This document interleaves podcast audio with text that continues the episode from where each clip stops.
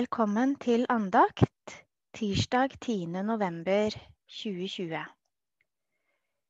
Bibeltekstene i dag er hentet fra kommende søndag, som er 24. søndag i treenighetstiden. Evangelieteksten er fra Johannesevangeliet kapittel 6, versene 63-69, og jeg leser. Det er Ånden som gjør levende. Kjøtt og blod duger ikke. De ordene jeg har talt til dere, er ånd og liv. Men det er noen av dere som ikke tror.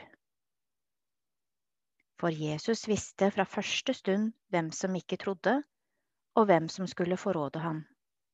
Og han la til. Derfor sa jeg til dere, ingen kan komme til meg uten at det blir gitt ham av min far. Etter dette trakk mange av disiplene seg unna og gikk ikke lenger omkring sammen med ham. Da spurte Jesus de tolv, Vil også dere gå bort? Simon Peter svarte, Herre, hvem skal vi gå til? Du har det evige livs ord, og vi tror og vet at du er Guds hellige.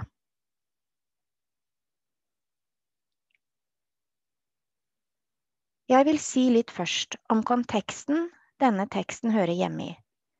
Teksten er tatt fra den første delen av Johannesevangeliet, den såkalte tegnboken. I tegnboken har forfatteren eller forfatterne skrevet ned et utvalg av fortellinger om Jesus med den hensikt at disse skal være tegn som gjør at leserne eller lytterne kommer til tro. Ja, Johannesevangeliet er skrevet med den hensikt å overbevise til tro slik det står i epilogen i Johannes kapittel 20, versene 30-31.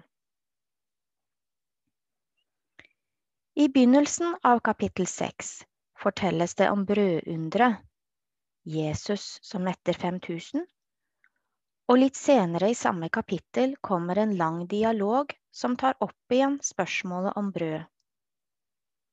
Dialogen er typisk johannesisk, idet Jesus og hans samtalepartnere sirkler rundt det samme temaet gjennom spørsmål og misforståelser som oppklares. Jesus er livets brød, og disse ordene er det flere som finner vanskelige. Dermed knyttes det an til det viktige temaet i Johannesevangeliet om tro. I denne konteksten, og med et fremblikk mot lidelsesfortellingen, kommer søndagens tekst inn. Noen tror, noen tviler. Teksten vektlegger at Jesu ord er ånd og liv, og dette finner et ekko i Peters bekjennelse om det evige livs ord. Samtidig rommer teksten ironi. Jesus spør om også de tolv vil gå bort, og Peter svarer med et tilsynelatende fromt motspørsmål.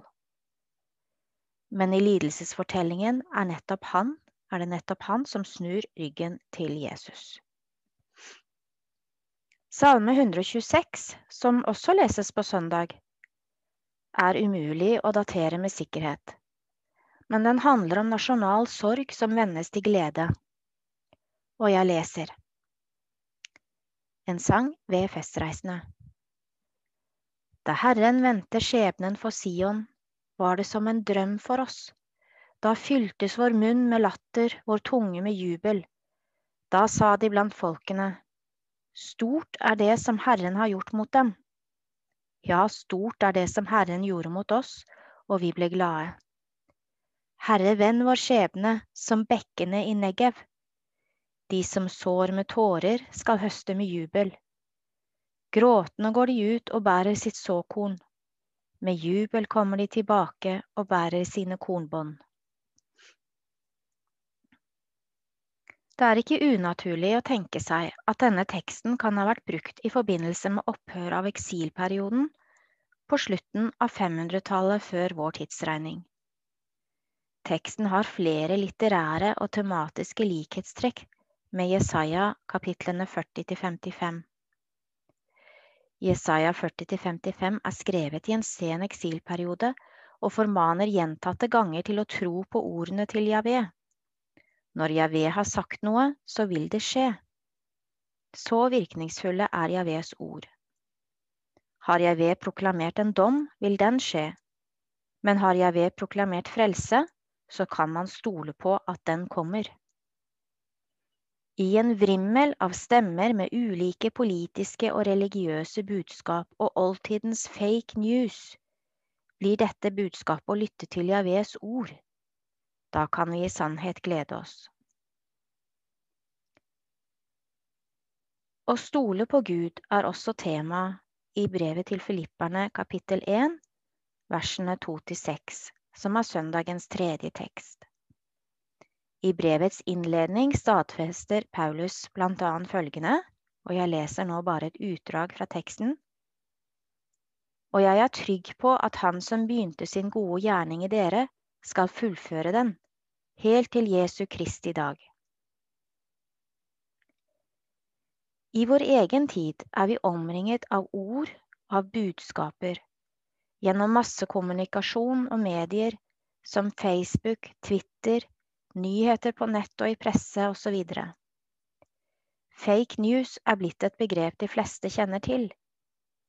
Det fins nå reportere som er spesialisert på å avsløre fake news og å teste sannhetsgehalten i budskapene som kommer. Kan vi tro på det?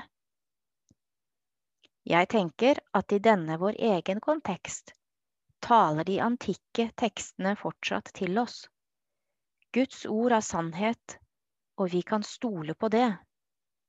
Dette budskapet er ikke fake news. La oss be. Vår Far i himmelen. La navnet ditt helliges. La ditt rike komme. La viljen din skje på jorden slik som i himmelen. Gi oss i dag vårt daglige brød, og tilgi oss vår skyld, slik også vi tilgir våre skyldnere. Og la oss ikke komme i fristelse, men frels oss fra det onde.